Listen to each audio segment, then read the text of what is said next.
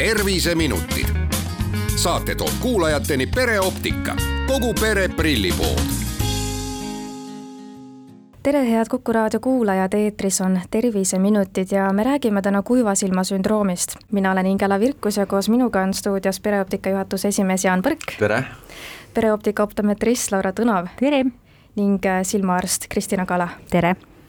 no mis see kuiva silma sündroom siis täpsemalt on, et mida see endast kujutab? No kuiva silma äh, sündroom on silmapinna haiguslik seisund.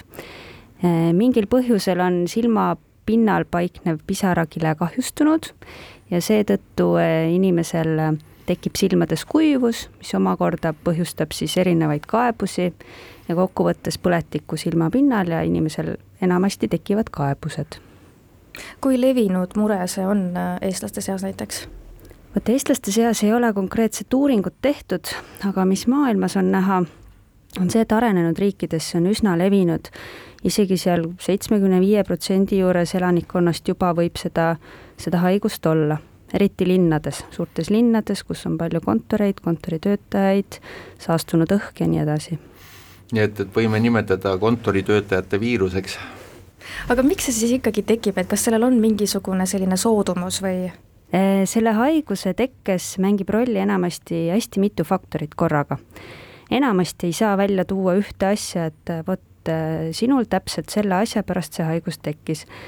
et tihtilugu jah, mitu asja kokku mängivad seal rolli, et küll on seal vanus, naissugu on ohustatud, eriti pärast menopausi, on seal keskkonnafaktorid mängivad rolli, just see äh, õhukvaliteet, äh, pidev ekraanide vaatamine, vähene pilgutamine, et neid faktoreid on mitmeid-mitmeid, kindlasti kaasuvad haigused, ravimid ka, mida inimesed tarvitavad aga kellel selle tekkeks ikkagi suurem soodumus on, et Jaan äh, mainis hästi, et, et see on justkui nagu kontoriinimeste haigus rohkem, aga aga ma saan aru, et äh, naistel on ka seda rohkem, et äh, no ajast, vabandust, ajast aega on olnud põhjuseks just see, et ühesõnaga vanematel inimestel tekib seda sagedamini ja just seetõttu, et vananedes pisaranääre muutub ja ei tooda enam piisavalt vedelikku.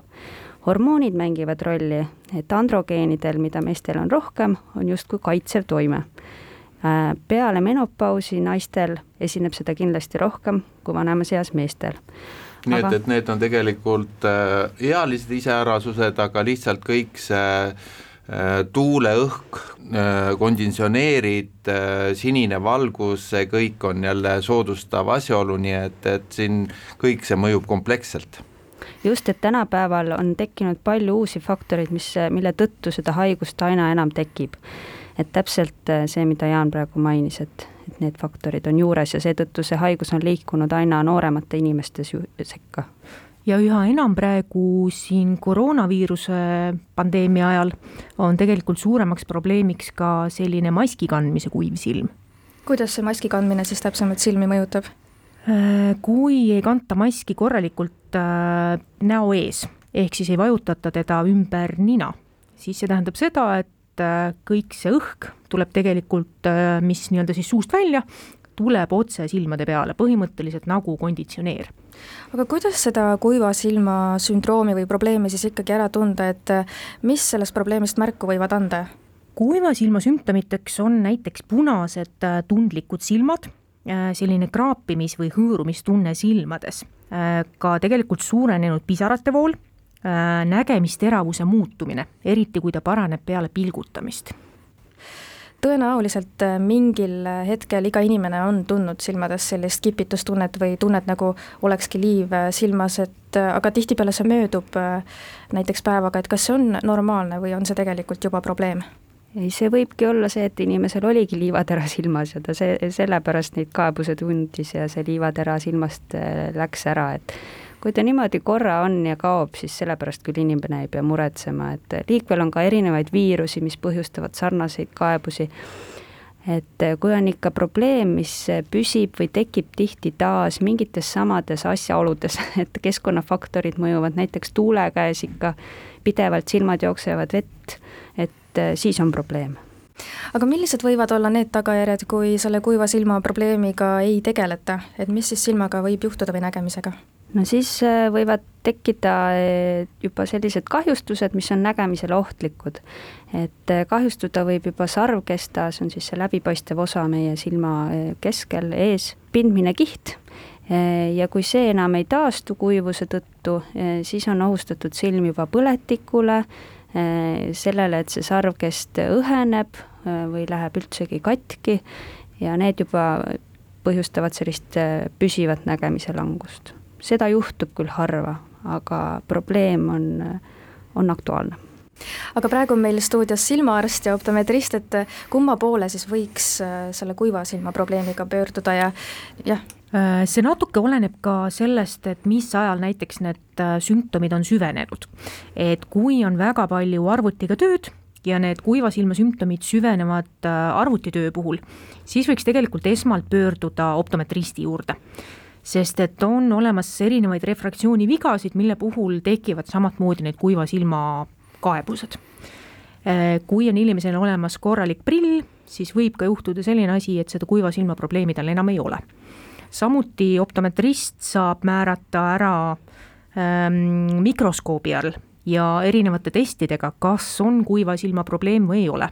Ja vajadusel ka suunata siis silmaarsti juurde edasi. Kui nüüd nende kaebustega on jõutud kas siis optometristi või silmaarsti juurde, et kuidas siis kuiva silma sündroomi diagnoositakse, et äh, milliseid uuringuid tehakse või mida üldse tehakse, kui teie juurde on jõutud? Äh, esimesena kindlasti võetakse korralik anamnees, millal või mille puhul need sümptomid siis tekivad, millal nad kaovad, kui kaua nad on olnud, äh, lisaks mikroskoobi uuring ja tehakse ka siis erinevaid äh, kuiva silma teste, näiteks Schirmeri test või siis tilgutatakse silma spetsiaalset värvainet, mis näitab siis ära selle, et kus silma pinnal on kahjustus või kus kohas silma peal on peale pilgutamist sellised kuivad kohad, mis siis probleeme võivad tekitada ja Kuiva Silma Keskuses siis me teeme juba topograafia, mis annab siis selle olukorra graafiliselt ja pildi peal välja, nii et, et saame seda ähm, olukorda jälgida siis ajas. Te mainisite Schirmeri testi, kui ma seda nüüd õigesti hääldasin, et mis test see on? Schirmeri test äh, mõõdab ära selle, kui palju kvantiteetiliselt meil pisarat on. ehk siis selline paberist riba pannakse alalau ja silma vahele ja vaadatakse mitme minuti jooksul, kui palju see märgub. aga saab siis kuiva silma sündroomi kuidagi ka välja ravida või äh, milliseid meetodeid täna selleks kasutatakse, kui see võimalik on? otseselt välja ravida seda haigust äh, ei saa, tegu on kroonilise probleemiga aga kindlasti saab enda elukvaliteeti tõsta, nii et inimesel ei pruugi kaebusi üldse tekkida. aga nagu mainisime, siis enamasti seda haigust põhjustab mitu erinevat faktorit ja kõiki neid elimineerida on keeruline. et kui inimesel justkui selline soodumus on, siis ta saab enda jaoks päris palju ära teha, eh, muuta keskkonnafaktoreid enda ümber, eh, tilgutada silmatilka pidevalt eh, ja, ja enda laugude eest hoolitseda et siis neid kaebusi võib mitte tekkida ja tänapäeval on olemas ka selliseid erilisemaid ravimeetodeid, näiteks valgusteraapia näol, kui on äh, inimesel laugude äärenäärmetega probleeme, mis peavad sellist õlist kaitsekihti pisarale tootma, et kui need äh, hästi ei tööta, siis see aparaat aitab äh, justkui nende tööle kaasa. ja tegelikult ta annab ikkagi ääretult Äh, suure vahe selle probleemi ja, ja elukvaliteedi siis äh, tasakaalu viimiseks, nii et äh, on hea asi. Aga anname lõpetuseks mõned soovitused, et kuidas siis ennast ise aidata ja kuiva silma probleeme leevendada, et natukene mainisite näiteks silmatilku, aga mis siis, mida võib-olla veel teha? no silmatilkadest nii palju, et, et valida tuleks säilitusainevabad silmatilgad, kuna säilitusaine ise võib hakata ka silma kuivatama, nendega üle annustada ei saa et oma pisara tootlikkus ei vähene, ehk siis apteegist võtta säilitusainevabad tilgad, neid hakata tilgutama eriti kui inimene töötab näiteks ekraanide taga, et võib kohe neli-viis korda päevas julgelt panna. kas need on siis mingid spetsiaalsed tilgad või äh, selles mõttes, et neid tilkasid on ka apteegis nii palju erinevaid? jah, ei saa öelda, et üks tilk on parem kui teine, et äh, valik on tõesti suur, saab valida endale siis sobiva hinnaklassi, aga mida ma soovitan jah, on säilitusaine vaba, et kui pikka aega kasutada, siis, siis võiks selline valik olla. aga mida võib-olla selles mõttes veel jälgida, et pigem siis niisutavad tilgad mm, -hmm. just, nii saabki öelda saab muuta keskkonnafaktoreid enda ümber, ehk siis mõelda sellele, et õhk oleks piisavalt niiske, kui võimalik, mitte istuda täpselt kuskil konditsioneeri all, kui võimalik, üldse eelistada ruumi, kus aknad käivad lahti, on värske õhk, äh, kellel on probleeme laugudega, aitab ka see, kui igapäevaselt teha laugudele sooja kompressi ja pärast neid laugusid masseerida, et äh, see kaitsekihtõline tekiks üldse silmapinnale. Mm, oomega kolm rasvhappeid tuleks tarbida piisavalt. Ja kindlasti, mis on väga tähtis, on selline järjepidevus, et kõik asjad, mis Kristina mainis, et nendega tuleks ikkagi tegeleda igapäevaselt, ei, et ei aita, kui me paneme üks kord nädalas silmatilka ja iga kolme nädala tagant teeme laugude massaaži. et sellega ikkagi peab tegelema iga päev. ja see valgusravi on väga häid tulemusi just nimelt nende inimeste juures, kellel see sündroom on süvenenud, me suudame seda aidata aitäh teile saatesse tulemast ja nõu andmast, Jaan Põrk ja Laura Tõnov pereoptikast ning silmaarst Kristina Kala. terviseminutid. saate toob kuulajateni pereoptika, kogu pere prillipood